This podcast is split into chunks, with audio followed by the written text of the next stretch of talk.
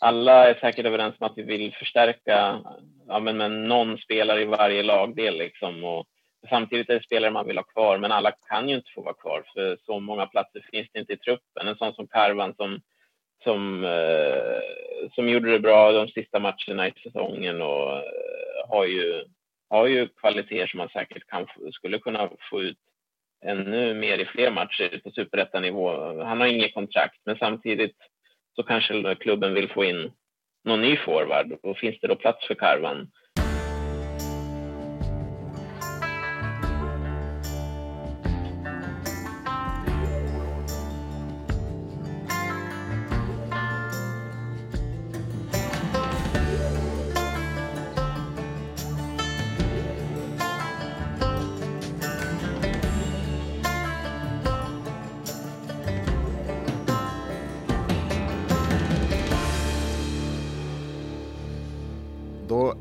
Välkomna till ett nytt avsnitt av Uppför Bågebacken! Yay! Eh, jag heter Johan och som vanligt har vi Anders med. Hej Anders! Hej Johan! Hej! Vad har vi för gäst idag? Eh, jag kommer inte ihåg vad han heter, men det är någon snubbe som, han är VSK i alla fall, det vet jag. Ja. Men du kanske minns? Eh, kallades ju en gång i tiden Ek-Ek på det gamla VSK-forumet. Har jobbat eh, många år med klubben, med hemsidan och information och gjort både det ena och det andra. Idag har vi alltså Erik Eklund med oss. Välkommen till podden Erik. Ja men tack snälla, tack. Varför bor du inte i Västerås? Varför jag inte bor i Västerås? Ja. Du bara attackerar direkt här. Eh, precis, det gör ju bara 50 procent av den här podden i övrigt. Så att, eh. Ja, precis. Men eh, nej, jag bor i Uppsala numera. Det, det är kärleken som har tagit mig till Uppsala. Mm. Så nu bor jag och jobbar, jobbar här helt enkelt. Det duger ju jättebra. Men eh, blir det Västerås igen om, säg fem år när ni har flera barn och sånt där, då kanske det blir Västerås igen. Ja, det nu jag ska svara ja, men eh, ärligt talat så blir det nog inte så. Det tror jag inte. Jag tror att, eh, jag tror att det kommer att bli fortsatt Uppsala för min del, men jag får ju... Det är tur att jag har anledning att ta mig till Västerås i alla fall för att kolla, Absolut. kolla grönvitt. Mm. Den kommentaren precis. eller frågan från Anders kanske snarare speglar hans eh, liv och eh, framtidsvisioner. ja, exakt. kanske är så. Ja. Men eh, idag ska vi försöka snacka lite grann om eh, säsongen som eh, har gått. Eh, VSK blev kvar i, klarade kontraktet i superettan. Även, vi var lite nervösa på, eh, på slutet, även om det var helt onödigt eftersom vi blev klara redan eh, med vinsten eh, mot Degerfors eh, egentligen. Då. Och eh, eh, snacka lite grann om den befintliga truppen truppen, eh, utgående kontrakt, vilka får förlängt, eh, hur kan truppen se ut nästa år och, lite sådär. Så det är stora frågor och mycket snack. Men eh, vi vet ju att vi har bjudit in Erik just för att han har ju bra koll, inte bara på spelarna i VSK, men i fotbollssverige i övrigt också, inte minst då i, i superettan. Så det blir, det blir väl ungefär det vi kommer att eh, bjuder på under dagen så blir det lite andra små ämnen på slutet också skulle jag tro. Men eh, ska vi börja med att summera säsongen lite eh, som hastigast? Eh, Anders, vill du sätta igång? Jag kan börja, absolut. Eh, ja, vad ska man säga? Vi, vi, eh, vi gjorde det vi skulle och alla är nöjda och glada i någon mening. Eh, samtidigt så eh, var det en säsong som inte blev som någon expert trodde, inte vi heller, om vi nu ska kalla oss experter. ska vi kanske inte göra. Men eh, i vilket fall så det blev en liten upp och nervänd tabell och VSK var ju där vi skulle vara. Samtidigt så ville vi ju kanske se ett bättre spel i vissa matcher. Det, det, spelet var ju ändå krampaktigt och det är väl det man tar med sig från säsongen. Vi gjorde det vi skulle samtidigt som vi kanske inte lyckades prestera det som vi ville. Det skulle Nej, man, hade, säga. man hade väl kanske velat se en, att, att, att spelet fort, fortfarande gick framåt, även om inte resultaten var, resultaten är helt okej. Okay. Tionde plats är bra liksom, så vill man kanske se tendenser i spelet som gör att vi kan tro på att vi kommer att kunna komma topp sex nästa år eller ja, vad vi nu siktar på. Men topp sex är väl en rimlig, Men du tyckte inte det såg tanken. ut så nu då? Att det fanns? Nej det, nej, det har det ju inte riktigt sett ut som. Vi har ju vi har, vi har inte riktigt spelat bättre än vad vår tabellplacering säger eller kunnat styra och kontrollera matcher sådär våldsamt bra. Vi har ju varit duktiga på, på att ställa om i ett antal matcher och vassa i omställningsspelet, men vi behöver nog ha lite mer, ja, lite mer kontroll eh, på händelserna för att kunna sticka högre upp i tabellen. Mm. Mm. Mm. I vårt första poddavsnitt du... så så tippade vi lite grann hur det skulle gå eh, också. Jag ville bara, det är typ det viktigaste jag har att säga idag. Eh, var ju att jag tippade att vi skulle komma eh, tia och eh, det blev vi också. Så att, även om inte Anders kan kalla sig expert så jag är ju uppenbarligen en stor fotbolls... Eh, ja men jag tippade också tia. Det, det, var du och jag Johan. Ja men jag lägger på nu, är det okej? Okay? Ja, vi löser det. och gosa med varandra. Mm. Jag, vill tippa, jag, sa, jag tippar ju sexa då, men det var faktiskt mest för att eh, Filip Bruné sa det. Mm. Eh, att eh, han trodde på det. Eh, och eh, det, det, är ju, och förde ändå resonemanget, om Brage kunde komma sexa förra året i sin premiärsäsong så varför skulle inte vi kunna göra det med vår breda trupp och eh, ändå ja, breda och samspelta trupp då? då? Eh, och det var ju inte bara jag som trodde det, till och med en spelare trodde på det. Nej, men sett i efterhand mm. är det mm. klart att det kanske hade, vi hade kanske kunnat komma lite högre om vi inte hade haft lite otur med skador och sånt. Men det har man ju alltid. Så, så är det. Ja. Vad var det du tänkte säga när jag avbröt dig med lite skryt? Mm. Anders? Ja, exakt. Skrytpodden. Men, eh, nej, men jag tänkte Erik, eh, det har ändå varit en speciell eh, superettasäsong säsong med mycket alltså, oväntade resultat, oväntade prestationer från lag här. Vad, vad var din reflektion över säsongen om man säger mera brett så inte vad VSK har gjort så att säga? Nej, men det är ju att vissa större lag eller de, ja, de nu stora lag, etablerade lag som finns i superettan har ju många av dem tappat ganska rejält, även om Halmstad lyckades rädda upp säsongen lite på slutet. Så det, de lyckades putsa till det så det på pappret ser, eh, ser lite halvdant ut i alla fall, halvhyfsat att komma sexa, även om det såklart var långt under deras förväntningar. Men de var ju nere i bottenträsket precis över kvalstrecket ganska lång stund. Det var ju på slutet som de radade upp segrar, så de var ju en stor flopp. Öster var ju en stor flopp, Brommapojkarna stor flopp, Trelleborg. Eh, även om inte folk trodde Trelleborg skulle gå upp så ja, de hade ju högre förväntningar på sig själva. Så det var väl som ni, som ni sa, lite upp och nervänt helt enkelt. Mm. Mel, Melby och, och Varberg i topp. Liksom. Eh, även om Varberg tydligen då hade spelat hade spelat bra förra året, vad man har hört från folk som har haft koll på superettan även då, så såg det liksom, det fanns tendenser i spelet som ändå såg lovande ut redan förra året, men att de bara fick ihop det i korta perioder och i år fick de ihop det i mycket längre perioder och då lyckades de lyfta också. Mm. Ja, jag såg ju dem i deras eh, Svenska cupen-match mot eh, Bayern på, på Tele2 och Bayern körde över dem i första halvlek, ledde med 2-0 om jag minns rätt. Och sen så i andra så gick de bara ut och dominerade. Eh, körde mm. över Bayern. Bayern fick knappt några bollen i andra halvlek. Så då såg man att här finns det ju någonting eh, mm. som är riktigt slagkraftigt. Eh, och just att mittfältet bara dominerade i andra halvlek. Matchen efter spelade de mot Dalkurd borta och gjorde en usel match. Så att eh, det var, fanns ju den där svängigheten kvar. Men sen när det väl drog ihop sig så fick de ihop det verkligen. Ja, det var just mittfältet också som kändes som den stora nyckeln när de körde över allt i början där också. De hade ja. ju en väldigt fin trio där. Mm. Och mm. kanterna också för den delen, men framförallt kanske de centrala där. Mm. Mm. Ja, spännande. Eh, är det några spelare som du känner att du vill lyfta fram så här i eh, superettan utifrån det som du har sett av matcher det här året som har varit, kan ju börja med de positiva delarna. Ja, men Varberg och framförallt vårsäsongen är väl ganska uppenbart, som jag redan nämnde där med deras mittfält, att de fick ihop det där med Ejopi som en liksom en uppsamlande defensiv fältare, liksom inte fältherre. Han är ju stor och, eh, och duktig passningsspelare och ja, smart, lite så här nästan eh, buskets känsla som i Barca, lite den där ja, men.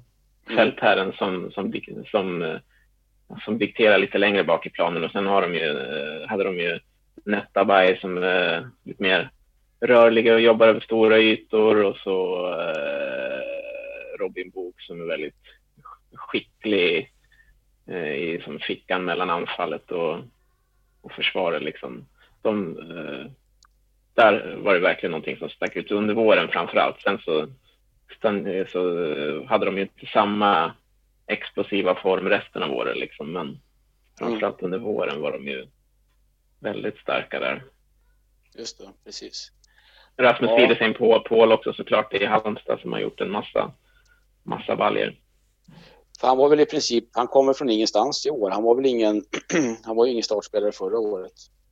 Nej, han hade väl någon utlåning till, till Värnamo där han fick lite speltid men inte liksom kom, kom loss målmässigt och sådär. Men det har väl låtit på honom i efterhand som att den där utlåningen dit eh, ja, liksom fick honom att bli seniorspelare och sen bara exploderade han i år i, i Halmstad. Mm.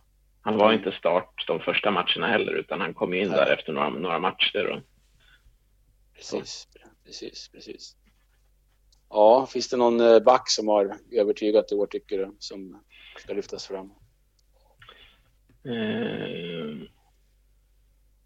ja, efter sommaren så kom väl Jesper Lövgren in i Mjällby och eh, gjorde det riktigt bra där. De har ju varit stabila överlag, liksom. men han spetsade väl till deras backlinje rejält. Vad jag förstår så har väl, nu, nu har jag inte sett, jag har inte sett, eh, har full show att se VSK så jag har inte hunnit se de andra lagen mer än vid, vid, vid kanske ett fåtal eller ett handfull tillfällen. Men men eh, i Varberg så har, man, har jag förstått ändå att eh, Tobias Karlsson som de värvade från Grebbestad tror jag kom in och gjorde det väldigt bra och han var stark i matcherna mot VSK och sådär.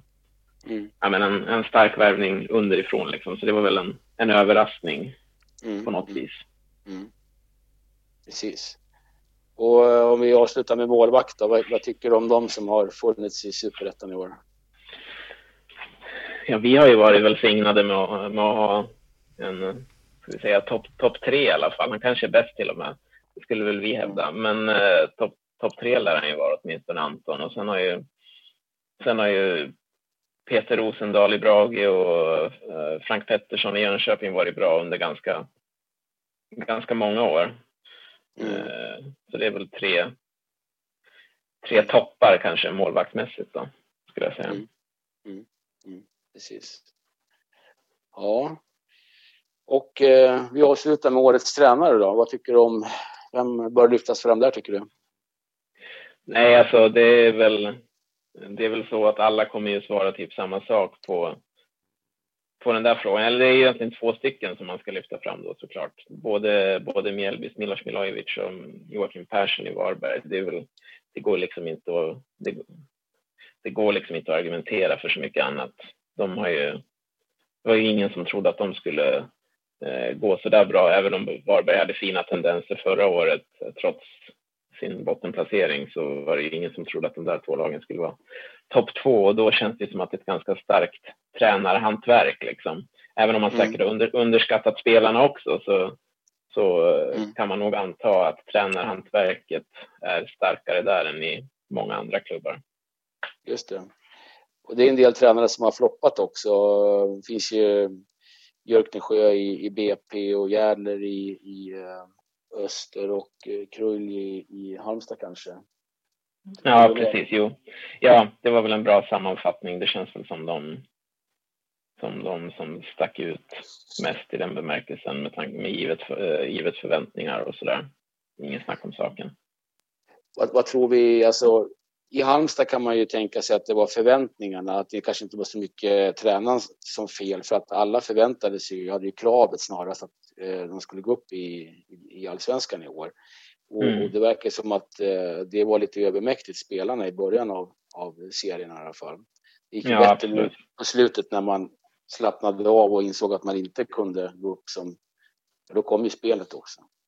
Ja, absolut. Och de har, och det är väl det är väl så att de, har väl in, de hade väl inte heller en eh, sån trupp som var så överlägsen som den kanske målades upp till att vara. Eh, för det var, det var ju lite känslan att de var en superfavorit på något sätt och absolut mm. att de hade en bra trupp men eh, den kanske inte var så pass, så pass lysande och, och det är klart att de då kan påverkas av trycket, utifrån, trycket utifrån liksom när de mm. Mm. Precis. Ja, och Öster, de, eh, nu vet jag inte om Järle är någon supertränare, men, men, eh, men där var ju ändå förväntningarna efter cupframgångarna att det här kommer ju se bra ut i, i serien i år. Ja, visst. Eh, men alltså de, och de, om man kollade på, vi har ju sett lite siffror på expected goals och sånt där, även om de inte har gjort någon kanske jättebra säsong spelmässigt så verkade det väl ändå som att de kunde ha fått lite mer utdelning i början av säsongen än vad de faktiskt fick. Och vi såg väl det i matchen mot VSK också. Det var inte direkt att vi åkte ner till Växjö och dominerade utan vi eh, mm. gnetade ju med oss en poäng hem där. Men skulle något lag ha vunnit så skulle det ha varit dem. Så att, mm. eh, de var väl lite trubbiga liksom. Mm. Eh, de hade säkert andra bekymmer också, men de kändes lite, lite trubbiga där till en början. Ja. Vad bra, men då känner vi oss kanske nöjda med eh, den generella superettan-säsongen 2019 och så går vi in på den grönvita dito. Eh, vad, vi har varit inne och sagt lite grann redan om det då, men om du skulle få vad ge dig på och säga de som du tycker de fem bästa matcherna som VSK har spelat under, under säsongen. Vad skulle du, vilka fem matcher skulle det bli tycker du?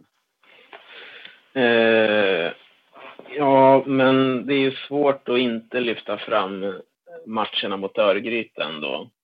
Som på mm. något sätt också lite grann, det känns som att vi knockade bort Örgryte lite grann från toppstrid också i och med dem Eh, de segrarna. Inte för att de hade varit på allsvenska platser med de sex poängen som de hade fått om de hade slagit oss, men det känns som att vi drog, drog undan benen lite grann för dem eh, med de matcherna. Mm.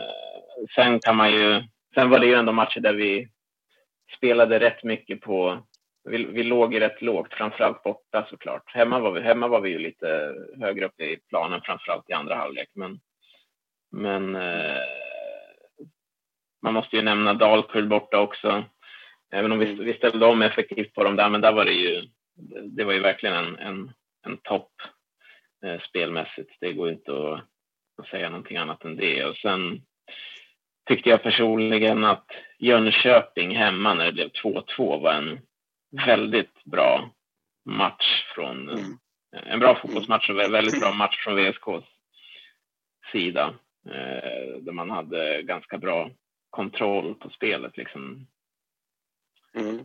Och det var ju efter matchen mot Dalkurd, alltså då kände man ju att nu kanske vi har hittat någonting, nu är det någonting på gång här. Mm. Eh, mm. Och sen, sen svajade det ändå lite grann efter det, men eh, det var mm. verkligen, en, verkligen en stark match. Det var ungefär då som spelare började uttala sig om att vi skulle vara med i, i toppstriden och, och sådär. Eh, också någonting som ja, togs ur oss ganska snabbt sen. Liksom kommande resultat efter det. Sen är det ju svårt att, ja, sen är det ju svårt att inte nämna matchen mot Gais såklart när man har, när man har, även om vi hade fördel i bottenstilen så hade vi liksom press på oss och går ut och stänker dit fyra baljer liksom. Nu var ju Gais för all del nära att ta ledningen i första halvlek, men eh, det var ju en väldig mental styrka och ta ledningen och gasa ifrån rejält i den matchen. Liksom. Det var verkligen mm. imponerande om vi tittar på spelarna nu då, om vi ska försöka sammanfatta säsongen utifrån spelarperspektivet. Tycker, vad tycker du VSK spelare som har nu varit på planen i år, om du plockar ut några som du, som du uppfattar tycker har ja, överraskat positivt, vilka skulle det vara?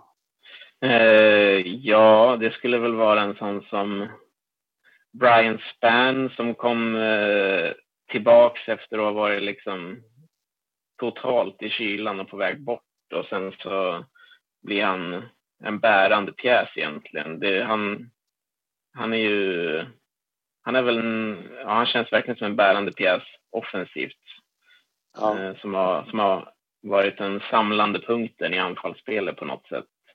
Eh, och i det liksom blivit någon form av ledare ute på planen också. Så att han har ju verkligen stuckit ut och gjort många många assist också. Han eh, liksom kom tvåa i assistligan på sju, mm. sju assist. Och han gjorde inte, inte så många mål. Jag vet inte hur många, många mål Brian gjorde till slut, om det var en tre, fyra stycken. Men han, eh, eller om det kanske var något till. Men han, eh, han var ju liksom ett, ett nav i anfallsspelet och bra på att ta emot boll och ja, men, en, en säker och trygg punkt att spela upp på där. Så.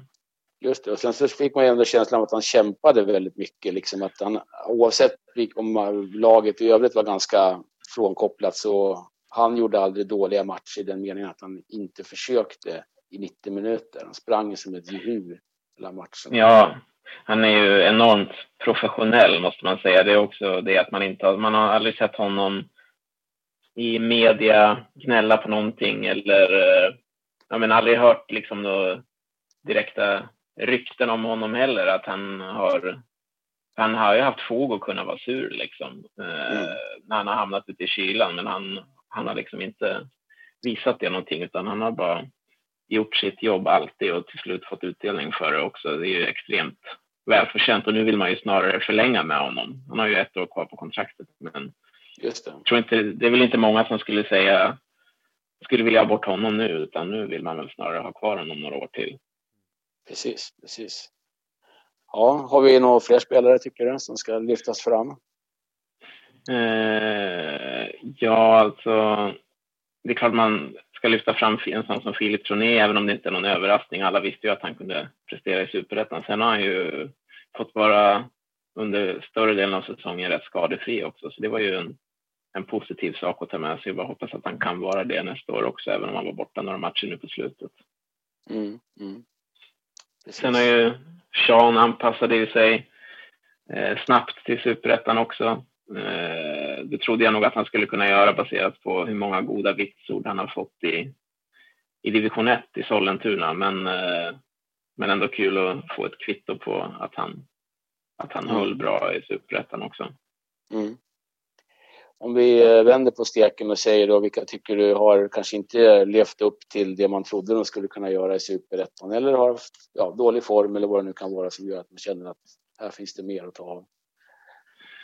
Eh, alltså det, jag tycker inte att det är någon som sticker ut så där jättenegativt, det skulle jag inte säga. Eh, jag tycker nog att man hade kanske hoppats att flera skulle ta, ta lite större steg framåt möjligen, men det är ingen som, mm.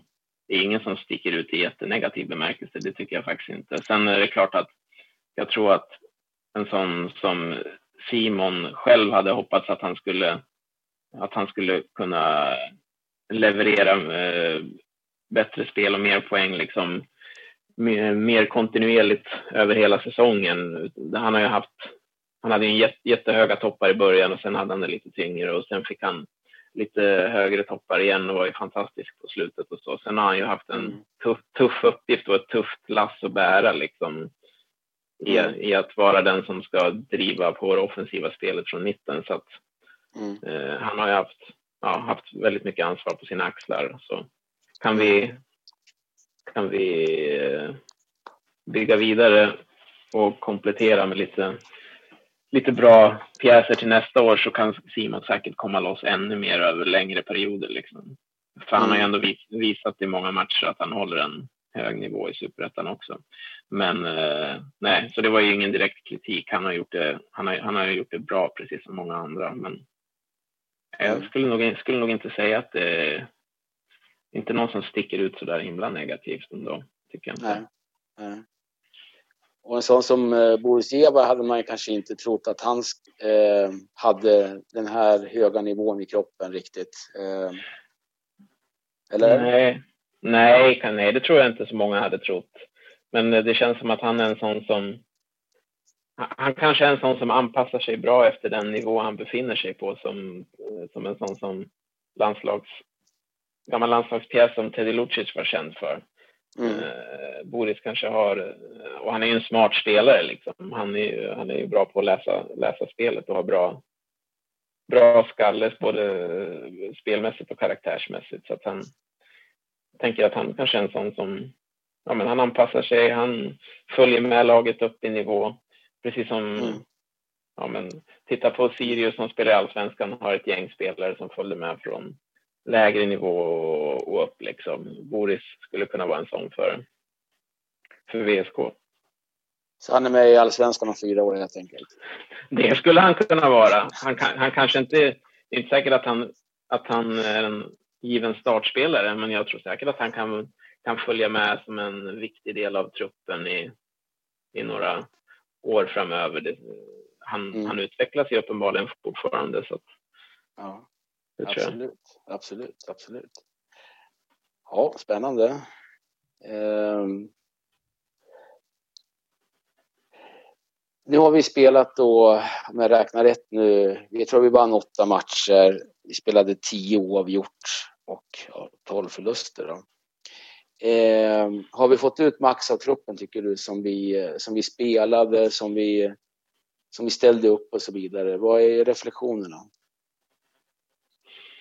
Mm, nej, max har vi nog inte fått ut. Eh, sen är det väl inte så ofta som man får ut max liksom en säsong. Det tror jag inte. Eh, det tror jag inte man, det kan man inte få varje år liksom. Men vi har väl fått ut fått ut eh, godkänt mycket i alla fall, eller kanske till och med bra. Men, eh, nej, men vi hade ju absolut, borde vi absolut kunna ha ett bättre, ett bättre anfallsspel. Men det, det som alla har pekat på är ju att vi inte har kunnat behärska mittfältet tillräckligt bra och kunna styra matcherna därifrån. Vi hade kanske behövt anpassa oss lite mer utefter det eh, och kunnat nyttja de saker vi är bra på liksom och, och ställa om och använda använda Filip och Brian i, i anfallsspelet och så till exempel. Mm.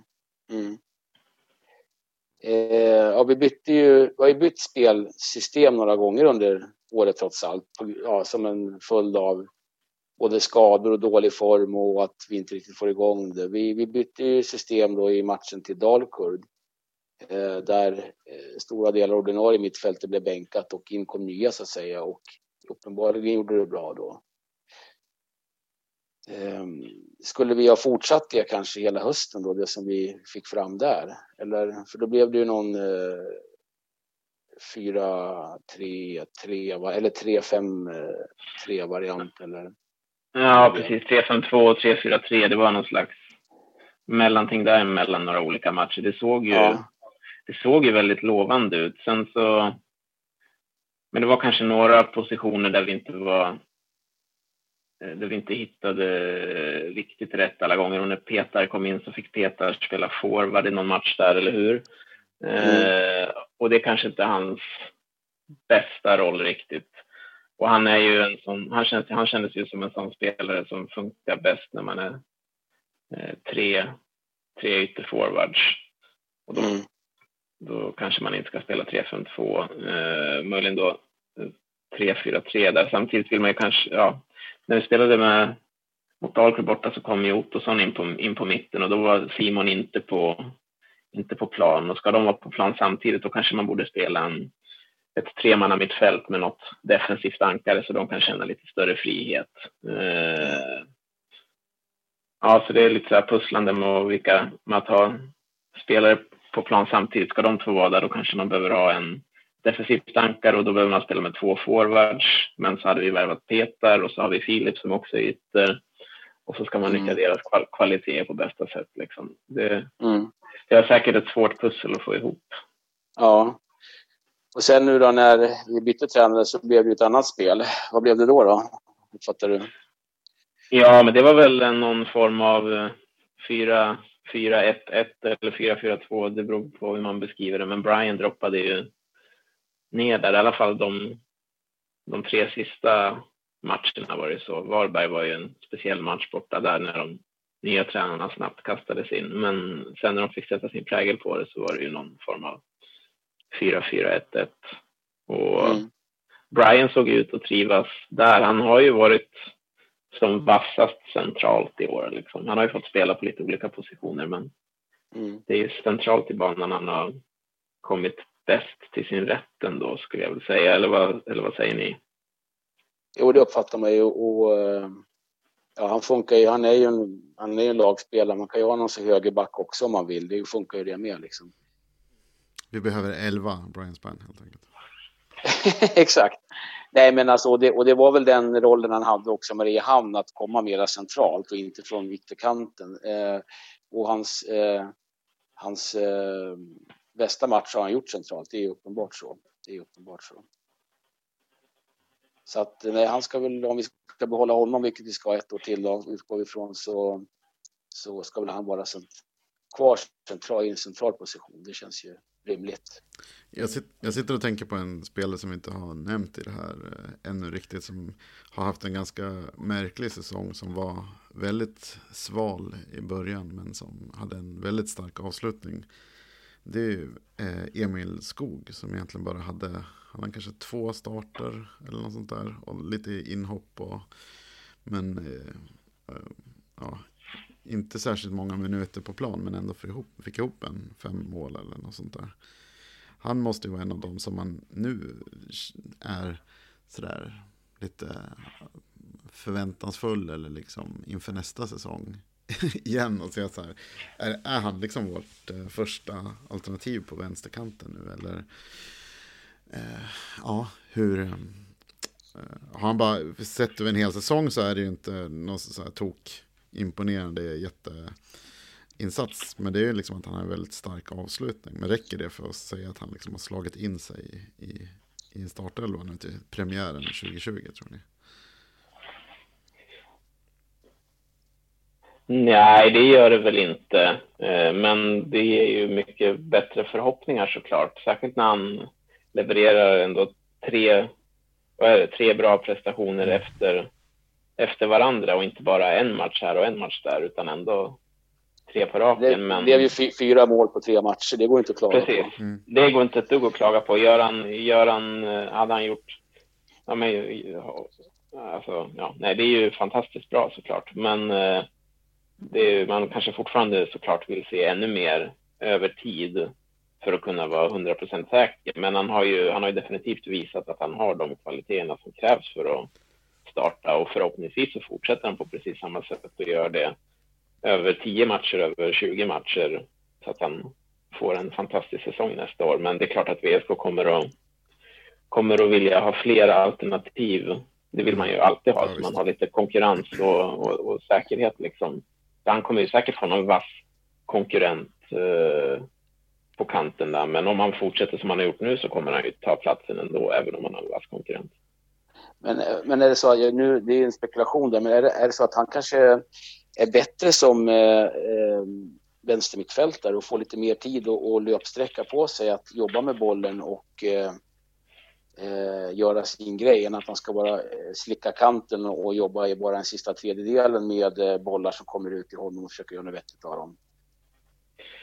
Eh, jag slicka kanten tror jag inte han ska göra, men det skulle han ju, det borde han ju inte behöva göra om han skulle eh, vara uppe i, eh, lite högre upp i banan och spela i, eh, i en 4-3-3 heller. Alltså han skulle nog kunna ha en liknande roll där. Det handlar nog mer om hur man väljer att spela liksom. Ja. Och att VSK kanske har spelat, och det var väl det, var det Peter Markstedt själv har varit inne på, att VSK hade en tendens att spela med ytterforwardsen som som lite, nästan lite vingar liksom som, mm. som spelade in, att de spelade in bollarna istället för att själva finnas, eh, finnas i, i smeten där det händer liksom. Ja. Och det lyckades man, när man, när man lyckades bättre med det och kunde fylla på med Ravitsuka eller fylla på med Dennis på vänsterkanten eller, eh, eller Kalle på slutet då, men kanske framförallt Ravitsuka så så kunde yttrarna komma in mer och fylla på med löpningar in i straffområdet och det var ju så flera av, flera av hans mål kom till mot, mot uh, Gais mot Mjällby. Ja, exakt. Så det är nog, det är nog mer hur, man, hur man spelar. Och en annan fråga är då när, och Filip och en annan faktor är att Filip är borta i de här matcherna och eh, om man tittar på våra, på våra eh, den här målkavalkaden som, som VSK Fotboll lagt upp nu på alla målen så inser man rätt snabbt att de flesta målen kommer till på högerkanten. Det vill säga mm. mycket av vårt spel styrs ju till högerkanten då där, där alla vet att Filip opererar och han kan göra lite grann vad han vill med bollen i, i en del matcher. Eh, ja. Är det så att oavsett om man har haft Petar, om man har haft Holm, om man har haft Skog på vänsterkanten, är det lätt att de kommer bort i spelet, att de inte får så mycket chanser att jobba med bollen som eftersom mycket av spelet styrs över till högerkanten och eh, Simon är den som ofta driver upp och, och går mot höger där han tar hjälp mm. av Filip eller eh, Ravi eller vilken högerback det har varit. Mm. Eh, och, och trianglar sig igenom där. Eh, och, men gör, inte, gör ganska sällan motsvarande sak på vänstersidan av, av, av planen. eh, kanske det där det handlar om också att eh, vänsterspelarna inte får så mycket understöd och, och, och, och ja, att spelet inte förs på vänsterkanten särskilt ofta heller. Det låter väl som en, eh, en, en, en, en god analys. Eh, så det är klart att om man inte är så involverad blir det ju svårt att leverera också. Man behöver ju känna att man är, att man är aktiv och inne i matchen. Antar jag mm. utan att själv ha varit ute på, ute på fotbollsplanen så där så, så lär man ju behöva, behöva känna det såklart. Så det låter väl som en bra analys att vi behöver liksom bredda, bredda vårt spel över hela planen på något vis. Så, så får även motståndarna andra saker att fokusera på så kanske vi ja, lättare kan nyttja vår starka högerkant och också om vi samtidigt kan få en starkare. Ja, för nu kändes det ju ibland som att eh, motståndarna visste att allt spel skulle gå på Troné i anfallsväg och, och hela mm. tiden såg till att ligga med sin vänsterback på in position där det blev svårt för honom att få utrymmena eller få långbollarna eftersom back, backen låg lågt. Eh, det blev inte mm. mycket utrymme att springa på. Mm. Och då såg vi också hur det körde fast och han aldrig kom till några lägen i många matcher och vårt anfallsspel stod still, hände liksom ingenting. Vi bollade mm. runt bollen i, i backlinjen och på mittfältet och sen så när vi skulle gå till anfall så var det helt stillastående. Ja, precis och det är då vi hade behövt ett, ett uh, starkt liksom, och, och drivet mittfältspel som kunde ha liksom, luckrat upp uh, luckrat upp lagen på ett annat vis också, inte bara liksom sätta bollar på djupet och, och attackera dem på omställningar utan också hitta kombinationer för att och, och ta sig igenom centralt och så. Mm, mm, precis. Om vi får avbryta lite grann nu så kan vi konstatera att eh, vi har eh, en nykomling i Superettan nästa år. Jaså, vem, är, det, är det Umeå som har tagit sig upp eller? Jajamensan, jajamensan. De spelade oavgjort mot Frej nu precis avslutades matchen för 30 sekunder sedan. Oj, tufft att åka ur på bortamål alltså. Ja. Så blev det. Men de får ju skylla sig själva lite grann. De släppte in två baljer tidigt och kvitterade ja. tidigt. Men sen har det blivit noll mål här sen 30 minuten i matchen.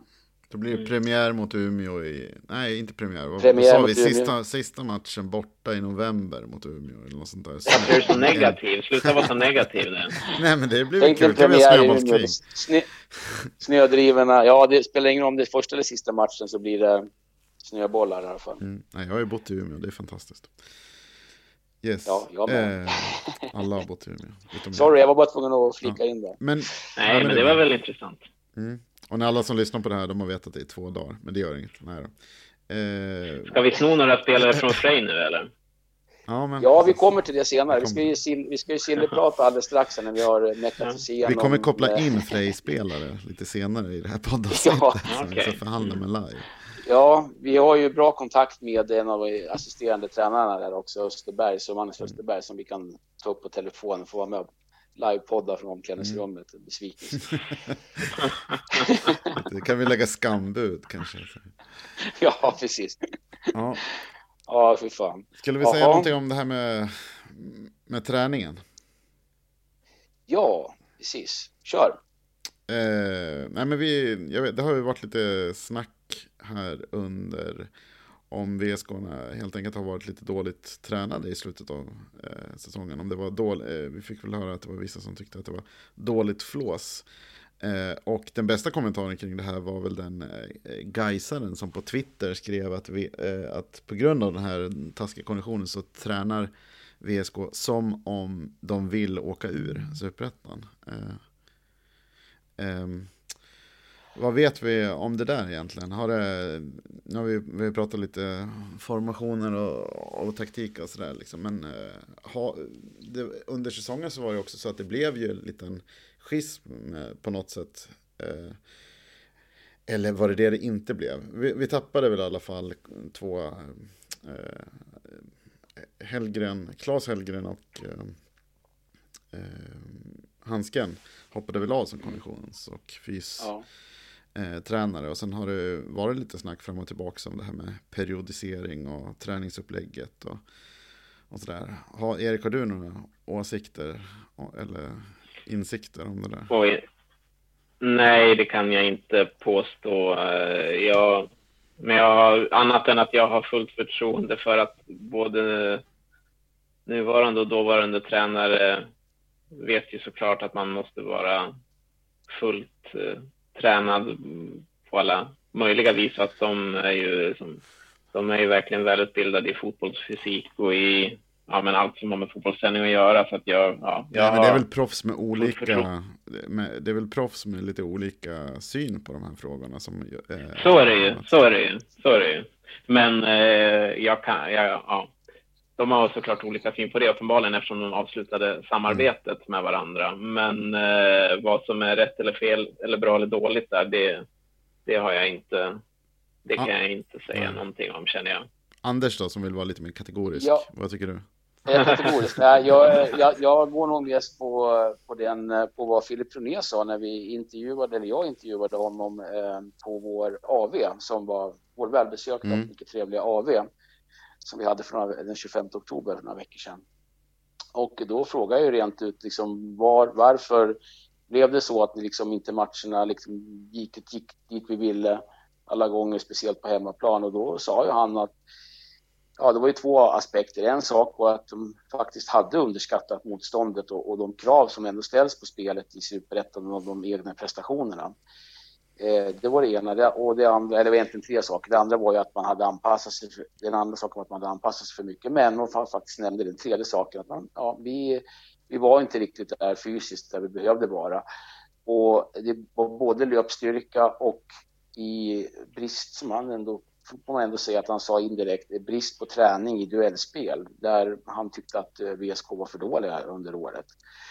Så visst finns det väl någon slags idé om att eh, den träningen Gabrielsson stod för kanske inte riktigt var fokuserad på det. Kanske borde ha varit mer fokuserad på det, vad vet jag. Men eh, det var i alla fall någonting som de nya tränarna ändrade på eftersom de började köra idioten på, på träningspassen mm. då. Eh, enligt gammal Liston-stil då. Och eh, naturligtvis så kanske inte man blir avgjort mycket bättre, får avgjort mycket bättre fysik på några veckor, men det höjer väl liksom självförtroendet lite grann. Det var väl kanske det som var syftet med den här typen av mer intensiv träning. Det man ska säga då till, eh, som jag ändå vill reflektera över när det gäller Gabrielssons träningsmetoder, det är att han har ju någon, han följer någon skola som jag tyvärr inte kommer på vad den heter då, som uppenbarligen går på kant eller tvärs med vad, vad eh, Hellgren och Hansken hade som idé för fysträning. Eh, men han tror ju väldigt mycket på periodisering, hur man periodiserar träning och kör väldigt individuella träningsupplägg. Och det får vi ändå säga har varit en stor succé i årets VSK. När vi tittar på de skadebenägna spelare som vi vet att vi har i truppen. Mm. Så eh, Filip Troné har ändå varit hel i större delen av säsongen och kunnat maxprestera i de allra flesta matcherna han har deltagit i. Eh, samma sak med Berisha som har under de tidigare eh, ett och ett halvt åren har varit här och varit mycket skadad helt enkelt. Eh, men inte i år. Någon enstaka match här och där. Men i övrigt så har han varit tillgänglig. Och inte minst Jonas Hellgren som har faktiskt, tror jag nästan, jag kanske missar någonting här nu, men nästan varit tillgänglig i varenda match som VSK har ställt upp i. Och det har ju inte hänt sedan solsystemet bildades, så är det ju. Sen, även, om, även, även, även om nu den här periodiseringen eventuellt liksom att det var över den som, som man blev oenig och därför att uh, Hansken och, och Helgen slutade så borde ju en, en, en, en sån träningsmetodik borde, borde ju, det borde liksom inte vara uteslutet att man kan träna att man kan träna hårt, att man kan träna rejält med löpstyrka, att man kan vara stark i duellspelet och liksom utveckla en hårdhet. Det borde man ju kunna göra inom ett sånt träningsupplägg också. Ja, det kan man ju tycka. det kan man tycka. Eh, ja. Jag tror vi går vidare innan det blir... Alls expert på det. Nej, nu måste vi gå vidare innan det blir för mycket snillen spekulerar på oss. Eh, ja, verkligen. Eh, hade vi något mer på det här området eller ska vi blicka mot nästa års trupp? Jag tycker vi kan blicka vidare. Mm. Jag tycker det låter väl spännande. Absolut. Eh, ja, Erik, vad tycker du? Vi, eh, vi ska ju bygga nytt lag nu delvis. Det är en hel del utgående kontrakt. En del spelare som vi mm. inte trodde skulle lämna har lämnat. Eh, eh, om vi tittar på vilka funktioner vi behöver, om vi inte börjar rabbla spelare än, utan bara tittar på vilka funktioner VSK behöver ha i nästa års trupp för att vi ska kunna sikta mot topp 6 som är, eh, ja, tycker, jag tror alla tycker är rimlig, rimlig målsättning nästa år. Mm. Nej, men det har vi väl det är väl sånt som vi har varit inne på redan att vi behöver få liksom eh, få kvaliteter som gör att vi kan kontrollera matcher bättre. Vi behöver få kvaliteter som gör att vi kan öppna, öppna försvar bättre, låsa upp försvar bättre, inte bara genom att ställa om och kontra utan även göra det från eh, liksom, spelförande när motståndaren eh, backar ner. Där behöver vi väl hitta kvaliteter och det kanske delvis innebär några nya spelare.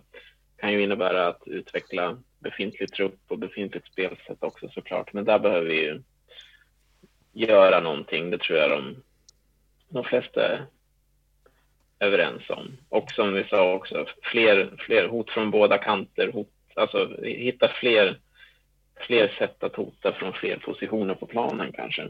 Eller? Mm, mm. Ja, det, jag antar det. Det är väl så man kan skapa övertag i en match, att eh, kunna pressa motståndaren till eh, bakåt och att de gör misstag som man kan utnyttja och eh, helt enkelt vara bollförande på ett sätt som vi har varit, men utan att ha kunnat hota. Eh, ja, så absolut, det, det, måste väl, det måste väl till. Eh, Absolut, det är väl så. Det är ungefär som med Norrby. De har gjort en fantastisk säsong med sitt kontringsspel. Men det är klart, de kan ju inte gå upp i allsvenskan med det. Det går inte. Utan de måste utveckla spelet om de ska vidare. Och det är samma sak för VSK såklart. Man måste bli ett mer komplett lag spelmässigt. Mm. Ja, det är bara att titta, titta, titta på Varberg som var, som var bottenlag förra året, men, mång, men det är ändå flera som har sagt att det fanns så fanns mycket positivt i deras spel och att de kunde kontrollera matchen under, ja, som vi redan har sagt här, under kortare perioder. Och sen lyckades mm. de göra det över större perioder och då vart de plötsligt ett topplag för då, det, var, det var ett topplagsspel som de hade utvecklat på något sätt men inte fått, inte fått utväxling på förrän, förrän i år. Nej, exakt. Exakt. Eh, vad behöver vi ha för tränare nu då som ska fixa det här? Vi har ju ingen riktig koll på eller har vi koll på vilka, vilken tränare det blir förresten? Uh, har vi påstått det i alla fall. Inte jag i alla fall. Nej. Nej. Har vi, har vi någon koll Johan? Ja, jag sa ju det. Vi har ju väl påstått det åtminstone. Men, eh, vi, har, har påstått att vi har koll. Eh, ja, Nej, men vi, vilka alternativ, eh. det finns väl en del alternativ som det bollas med. Eh, eh, som det snackas om. Men eh, ingenting lär ju vara, vara klart för då hade man ju berättat det. Sen vet man ju inte om eh, nu när de här kvalmatcherna och sånt är över, om det är något sånt vi går och väntar på. Eh, eller har, vi fick en ny sportchef för inte så länge sedan. Beslutet kan ju ligga där och då kan det ju vara, eh, eller borde ju rimligtvis ligga eh, där på något sätt nu. Så det kommer väl säkert, jag skulle tippa att det kommer någonting ganska snart. Mm. Men vem är det? Ja, det är väl inte omöjligt att det, att det händer något nästa vecka eller så. Det kändes ju, Robin sa att han inte ville hålla på det allt för länge, så det borde ju dyka upp snart. Och så, det lär ju dyka upp fler, fler och fler spelarvärvningar också. Mm. Någonstans vill väl en tränare vara involverad i ett antal av dem också. Mm. Men vad är det för tränare VSK behöver då, tycker du, Erik? Eh, det är ju en väldigt bra fråga. Sen beror det på vad det finns för tränare att rekrytera också. Vi kan ju sätta upp en, en önskelista såklart, men det betyder ju mm. inte att vi, kommer, att vi kommer att hitta exakt den eh, tränaren. Men eh, alltid, liksom, alltid behöver man ju en, en bra och trygg ledare som eh, ja, men, ja, men ett, ett, ett tryggt och tydligt ledarskap tror jag liksom är viktigt bara så. Eh, ja, men någon som kan vara tydlig, tydlig utan att vara liksom som det verkar ha blivit under Tor-Arne Fredheim där liksom eh, där det varit eh, kanske lite för auktoritär tydlighet eller man kan väl sammanfatta det på något sånt sätt. Va? Mm. Så, så, kanske en mer, en mer modern tydlighet där spelare kan vara inkluderade men där, där tränaren ändå verkligen eh, ja, men verkligen är tydlig och kommunikativ också. En, det verkar som att VSK-truppen mår bra av, en, av kommunikativa tränare som, som eh, kan, kan prata och ha en som dialog med spelarna som kanske då inte, kan vi gissa, eh, en sån som Krane Fredheim kanske inte riktigt hade på samma, på samma sätt som vissa andra tränare. Eh, men som sagt var, vi ska göra inspelare också. Så att vi ska väl avsluta med lite silly här helt mm. enkelt. Eh, men ska vi titta på de med utgående kontrakt först då? Lite som är, det, är det någon det av de utgående som ni vill ha? Eh, som, eller vem är viktigast att ha kvar? Jag ska säga, Berisha har vi redan sagt, eller liksom, det har ju redan avhandlats att han inte blir kvar. Ska vi gå igenom vilka mm. det är mm. som inte har, eller har ni i huvudet? Ja, gör det. Så vi... eh, Daniel Svensson, eh, Ilir Berisha, Stefan Batan, Dennis Bocci, eh, ursäkta uttalet, eh, ska vi se, Josef Akpenare, vet jag inte om han redan är, har gått eller om han verkligen har kontrakt över i år. Men Jonas Hellgren och Petar Petrovic har ju också gått. Boris Djevar vet vi inte ännu. Emir Smajic, Karvan Safari, Ja, det är väl de helt enkelt som har utgående. Mm. Ett, ungefär tio spelare skulle jag tro. Mm. Är det någon av dem som ni vet direkt, den måste vi ha kvar? Jag vill ha kvar Boris. Mm. Mm. Eller det, det, det finns väl flera jag skulle vilja, kunna, kunna vilja ha kvar, men jag vill ha kvar Boris. Han har tagit eh, imponerande steg och en viktig ledare i laget. Och hans, liksom, det är många i klubben som har hjärtan som klappar för VSK, men hans känns det ju som att det klappar nästan lite extra starkt. Mm. Ja, jag håller med och eh, till skillnad mot många andra som jag vet så eh, vill jag nog faktiskt ha kvar Jonas Hellgren. Mm. Eh, han är en, han kommer att vara, är och kommer att vara, i och med att han nu faktiskt inte är skadad halva säsongerna, en nyttig mm. truppspelare. Eh, som verkligen har superettan spelet i sig och haft det under alla år egentligen. Mm. Eh, ja, han har ju spelat i Superettan flera säsonger tidigare. Exakt, exakt. Och verkligen vet och har vi också visat i år att han har det fortfarande. Och med ett... Och sen där blir det, i och med att det var ju ett systemfel på mittfältet, det är svårt att peka ut att det var tre dåliga spelare på mittfältet. Det är några av våra bättre spelare som spelar på mittfältet. Men de har inte lyckats som lagdel få ut särskilt mycket av allt slit på mittfältet. Eh, men jag tror absolut med ett bättre system och bättre idé om hur, och kanske en förstärkning om hur man ska spela så eh, både Jonas, Boris och Simon eh, helt kompetenta på den här nivån att utgöra ett, ett bra mittfält. Eh, naturligtvis behöver vi ha in kanske en ännu tydligare spets där då, men eh, absolut, absolut. Så jag tycker att han ska få förlängt. Mm, jag ska välja mina ord eh, noga här. Eh, jag tycker nog att de flesta av de här spelarna egentligen kan, eh, skulle kunna vara kvar. Förutsatt att det finns eh, ekonomi för det och att de accepterar den roll de får i klubben. För att det är ju egentligen, och det gör, alltså tittar man de som ni har nämnt nu och, och eh, så kanske, det kan ju vara bidragande att man vet att Eh, Boris räknar nog inte med att spela liksom 30 matcher nästa år. Men man vet att han kommer ge eh, allt för att få spela så många som möjligt. Och att han kommer att kunna bidra och eh, göra bra matcher. Liksom. Så, eh, och, men det finns ju, eh, och det är väl lite där mm, man kan säga att eh, i den mån det inte liksom eh, omöjliggör andra värvningar rent ekonomiskt. Eh, så kanske, och i den mån det inte liksom eh, sabbar dynamiken i laget så är det fler som skulle kunna vara med. Men skulle jag bara få välja en skulle det, eh, skulle det vara Boris, helt klart. Så, så, mm. så var en full gardering, ett kryss två på, på mig. Alla ska vara kvar. och sen handlar det väl om, det är lite knepigt läge för vi eh, alla är säkert överens om att vi vill förstärka ja, men med någon spelare i varje lagdel. Liksom. Mm. Och Samtidigt är det spelare man vill ha kvar, men alla kan ju inte få vara kvar. Nej. För Nej, så många platser finns det inte i truppen. En sån som Karvan som, som, eh, som gjorde det bra de sista matcherna i säsongen och eh, har, ju, har ju kvaliteter som man säkert kan, skulle kunna få ut ännu mer i fler matcher på superettanivå. Han har inget kontrakt, men samtidigt så kanske klubben vill få in någon ny forward och finns det då plats för Karvan? Eh, det kan ju lite trångt där med Brian och med Douglas och med William Widehult som kommer underifrån och sådär. Så det är ju inte bara en fråga om man tycker att spelaren duger, duger att ha i truppen eller inte, utan det ska ju finnas plats också. Är det någon av dem som har kontrakt då som ni tror kan bli såld? Eller gå tidigare?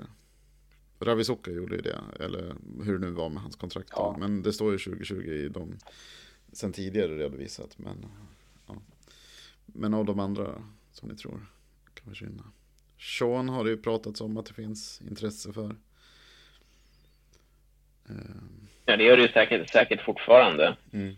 Eh, sen hur starkt det är, det är, är det väl ingen, ingen av oss som har koll Nej. på. Men han, han står ju garanterat på allsvenska klubbars listor och det gillar ju Anton också göra. Så att, ska man vara orolig över några så är det väl kanske framförallt de två. Mm. Mm.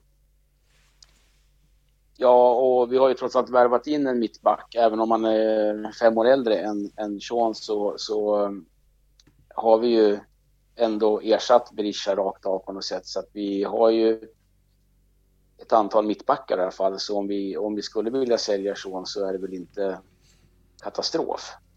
Nej, sen behöver han ju ersättas då såklart. Men som du säger, ja. det finns ju flera startalternativ där. Du har ju David och du har ju Kalle som är full, fullt dugliga och kompetenta startspelare. Så att absolut är det så. Mm. Och målvakt är ju mera tricky. Om vi säljer Anton, vad ska vi göra då? För då säljer vi som sagt kanske seriens bästa målvakt. Eh, hur ersätter vi honom? Det är svårt att tänka att man tar in en junior och ger förtroendet liksom. Nej, då ska du in en etablerad målvakt utifrån. Det, så kommer det ju bli i så fall. Men vi får väl eh, hålla i hoppet att målvakter brukar kunna vara lite mer svårsålda än, äh, än andra positioner. Det är liksom mm. klurigare att slå sig in som målvakt i, i, andra, i andra lag ofta. Så att, äh, förhoppningsvis har vi en stor chans att få behålla Anton. Mm, mm. Eh, vad säger du då Erik? Är det några spelare som vi, eh, om vi nu har avhandlat om vi så att säga vill ha kvar och inte vill ha kvar. Vad är det vi vill ha in då? Om vi nu får välja här av vad, vad som vi vet idag är tillgängliga spelare. Eh, oj, en, enskilda spelare eller positioner? Vad pratar vi? Ja, pratar vi namn eller? Ja, vi kan prata namn, absolut. Det är ju så. Det är ändå en namn som... Det är en spelare brukar ha namn till slut. Så. ja. Så är det väl, men alltså någonstans så, så samt, vi behöver ju spetsa till laget på, såklart. Det behöver man ju alltid göra om man vill ta nästa steg. Det är ofrånkomligt. Men vi vill ju, det är också ganska tydligt att klubben vill försöka föryngra lite och vi har ju, och vi har ju haft en relativt erfaren startelva eller, och relativt erfaren trupp så vi skulle behöva ha in lite yngre spelare och kan man förena då ungdom och kvalitet, vilket ju vore önskvärt att vi kunde göra på några positioner i alla fall. Så vore ju till exempel en sån som Besad Sabovic i Dalkurd väldigt intressant. Han är väl, mm. jag vet inte exakt vilket år han är född, men han är väl 20-21 någonting. Mm. Eh, och var, får man väl ändå säga var en av seriens bättre centrala mittfältare i, i mm. år. Eh, så det är klart att det vore en stark värvning. Den, den typen av spel, det måste inte just vara han, men nu var han ett namn som var lätt att dra ur hatten liksom. Men, mm. Mm. Eh, men en, en, spelare av den typen och den kalibern mm. på något sätt. Mm. Mm. Precis. Tranberg är ju också från Dalkurd, har ju gick ju häromdagen ut att han inte kommer att fortsätta i klubben whatsoever, så att säga, vad som än händer. Eh, han mm. spelar ju också mittfältare. Är det en alternativ till Sabovic eller? Det kan det ju vara. Sen är väl de lite olika typer. Tranberg är lite mer defensivt orienterad och Sabovic lite mer framåtlutad, liksom, den där som kanske hittar mer de öppnande passningarna och så. Tranberg kan ju spela mittback också, åtminstone i en trebackslinje har ju spelat mittback. Så att mm. Han är väl lite mer defensivt orienterad, så att man kan ju inte, man får ju inte in man får ju inte in samma spelartyp om man värvar Tranberg, men med det sagt så har han ju visat i många år att han håller, håller bra kvalitet i superettan och har ju spelat en, en del i allsvenskan också. Så att mm. kval kvalitetsmässigt är han ju säkert en bra värvning. Och, mm. Men ja, det, så det beror på om man, hur pass låst man är vid, vid, vid vilka typer av spelare man vill ha in. Mm. Men kvalitetsmässigt så är han ju bra liksom. Ja. Måste vi ersätta Ravi på något sätt eller räcker det med att vi har en lite junior högerbackar och, och Hustovic med flera som skulle kunna spela där eller måste vi ersätta honom med en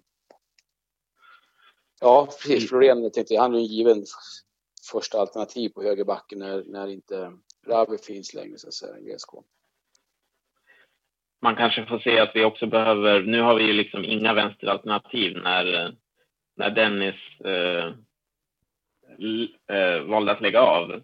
Kalle mm. Svensson har ju gått ut och vikarierat där och kan ju göra det förträffligt där ute. Eh, eh, absolut, men han, antagligen är väl han fortsatt mer tänkt som, som mittback, så man kanske ska se på ytterpositionerna lite mer sam, eh, samlat och se vad vi behöver mm. där. Och i, i Ravi förlorar vi ju liksom ett offensivt godståg på något sätt. Mm. Som, bara, mm.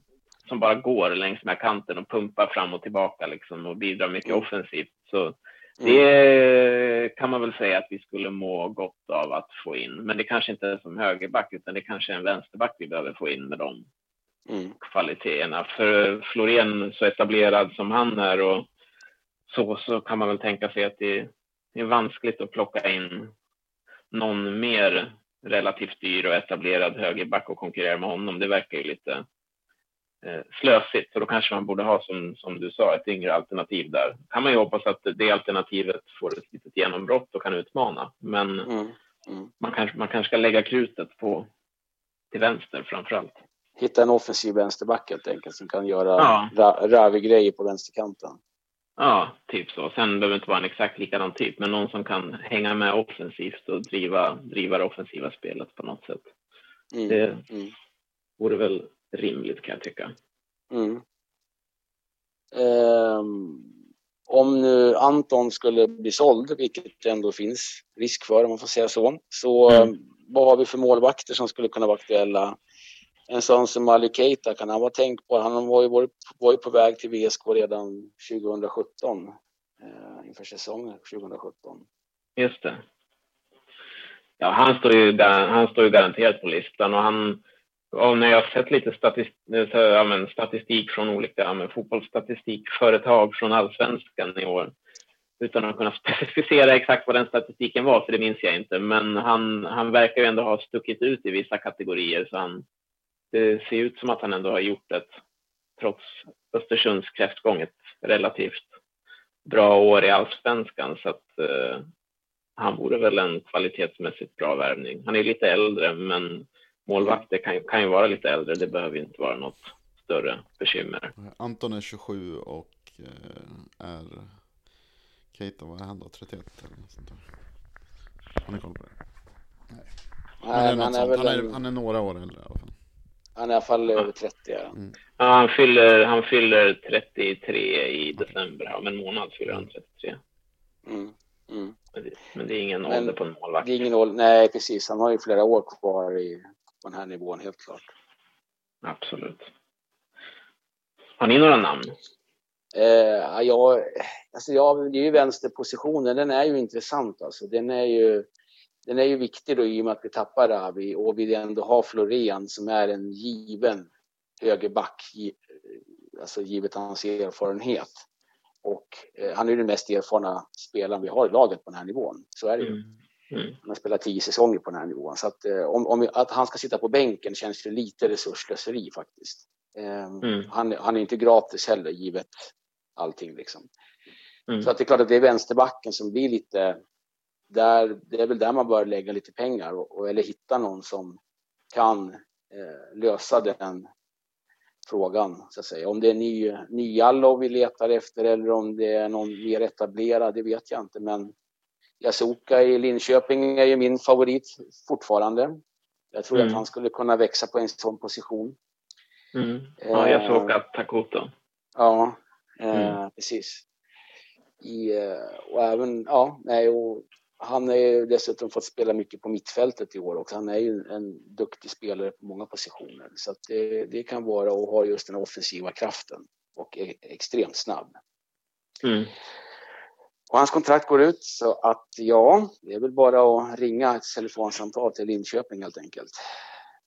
Och han är väl relativt ung också? Är det inte? Ja, han är, född, han är, han, född 96. Jag han, ja, jag tror han är 23 precis. Så att, eh, absolut. Absolut. Men det är väl en sån typ av, för det blir ändå, ska man liksom försöka hitta en etablerad vänsterback som, som är väldigt liksom, duktig på den här nivån, då blir det ju väldigt dyrt snabbt. Speciellt om man måste lösa dem. Det, det går ju i praktiken inte. Nej. Utan det måste ju vara någon som är utan kontrakt då, eller som man köper underifrån till billigare pengar. Absolut. Sen är det ju frågan om vi ska försöka hitta en central anfallare. Eh, det är väl också mm. en stor fråga. Om vi ska försöka hitta någon som är bättre än de vi har. Ja, och var, och var den anfallaren i så fall finns någonstans, apropå det här att hitta spelare underifrån eller spelare med utgående kontrakt. Mm. Det, det, är ju den mest attraktiva spelaren att hitta i princip, en, en, mål, en målskytt. Liksom. Varberg hittade honom i division 1 i Astrid mm. Selmani och, mm. Mm. och sådär. Och Degerfors hittade för all del Erik Björndal i forward där han inte ens alltid hade spelat forward utan spelade ofta mittfältare. Men sen gick han fram och spelade forward något år och var väldigt duktig och sen bara blommade han ut i mm. Degerfors. Och nu hamnar han väl i Örebro vad det verkar. Ja, precis. Det skulle mycket väl kunna bli. Mm. Ja, det är kluriga frågor. Svårt. Ja, verkligen. Eh, ja, jag vet inte om vi kommer så mycket längre med våra spekulationer. eh, vad, vad, men vi har ju ändå några... Nej, men vi har, ju, vi har ju lite lag som åker ur nu. Vi har ju Frej, vi har ju eh, BP. Stockholmslagen. Där är det ändå spelare som finns i regionen som ändå är på något sätt, de behöver liksom inte flyga in dem till Västerås för att de ska kunna spela. Ehm, finns det någon, någon spelare i de här lagen som skulle kunna vara attraktiv för, för VSK, som du ser det? Mm, då ska vi kanske relatera till de positioner vi precis har, har, ja. har dryftat också. Eh, pratar vi ytterback backar så vet jag, jag vet inte hur det är med intressanta vänsterfötter där, men eh, den bästa ytterbacken i de där lagen måste väl vara Fritiof Björkén i Brommapojkarna. Som har, som uh, ju har spelat några matcher som vänsterback, men i grunden högerback och högerfotad. Och mm. helst, helst skulle vi kanske ha en stark vänsterfot där, men han är ju den som sticker ut kvalitetsmässigt. Mm. Precis. Och eh, mittfältare, har vi några sådana där som duger? Um, ja, den som har... Det är väl ett namn som har nämnts mest, eller mest flitigt och det är väl Pedro Ribeiro i Frej. Han är ju lite, han är samtidigt lite äldre också. Han, är ju, han borde väl vara 30 nästa år eller något sånt där. Och frågan är om vi inte borde fylla på med någon lite yngre spelare. Men han, han är väl den som har fått en av de mittfältare som har fått mest goda vitsord i bottenlagen i alla fall. I Syrianska finns ju Amar Ahmed också som också är rutinerad och 30-årsåldern. Mm. Eh, så om vi går på rutinerade spelare då kanske de kan stå på, stå på någon lista. Mm. Mm. Precis. Och framåt då? Har vi några? Nu är det i och för sig Frej är väl de flesta kontrakterade av Bayern som är mm. framtidsnamn så att säga. Nej, vad gäller forward känns det ganska tunt med starka renodlade liksom centrala forwards, måltjuvar, mm. målskyttar där. Jag vet mm. inte om det finns, om det, jag vet inte om det finns någon, någon tydlig kandidat där. Kommer ni på någon? Nej, inte, nej, inte som inte tillhör Bayern som de inte kommer släppa av många olika anledningar. Mm. Eh, nej, och den här brassen i BP fick ju inte förlängt heller så att eh, han verkar inte ha gjort någon större succé heller så att eh, Nej, han startade väl två matcher tror jag. Sånt där. ja. ja. Nej, så det är nog svårt. Ja, så det blir inte så mycket att plocka från de lagen då, då heller. Nej, det kan man nog gissa att det, Mm. Mm. är så. Ja, Men vi har ju i alla fall hunnit med en riktigt bra eh, värvning i alla fall. Får vi hoppas med David, eh, David Engström. Och vi får väl eh, liksom på... Man kommer väl kunna läsa varenda steg som tas varenda, om varenda litet rykte på anno 1904 eh, framöver. Men eh, så mycket mer klokt idag kanske vi inte kan leverera, eller vad säger ni? Ja, jag tror det är färdigspekulerat från vår, från vår sida för den här gången. Va? Mm, ja, absolut. toppen. Ja men eh, tack så jättemycket. På, Tack så vi, mycket. Vi, vi hörs igen. Ha det. Ja, Ja, tack, tack. tack. Tack, tack. Hej, hej.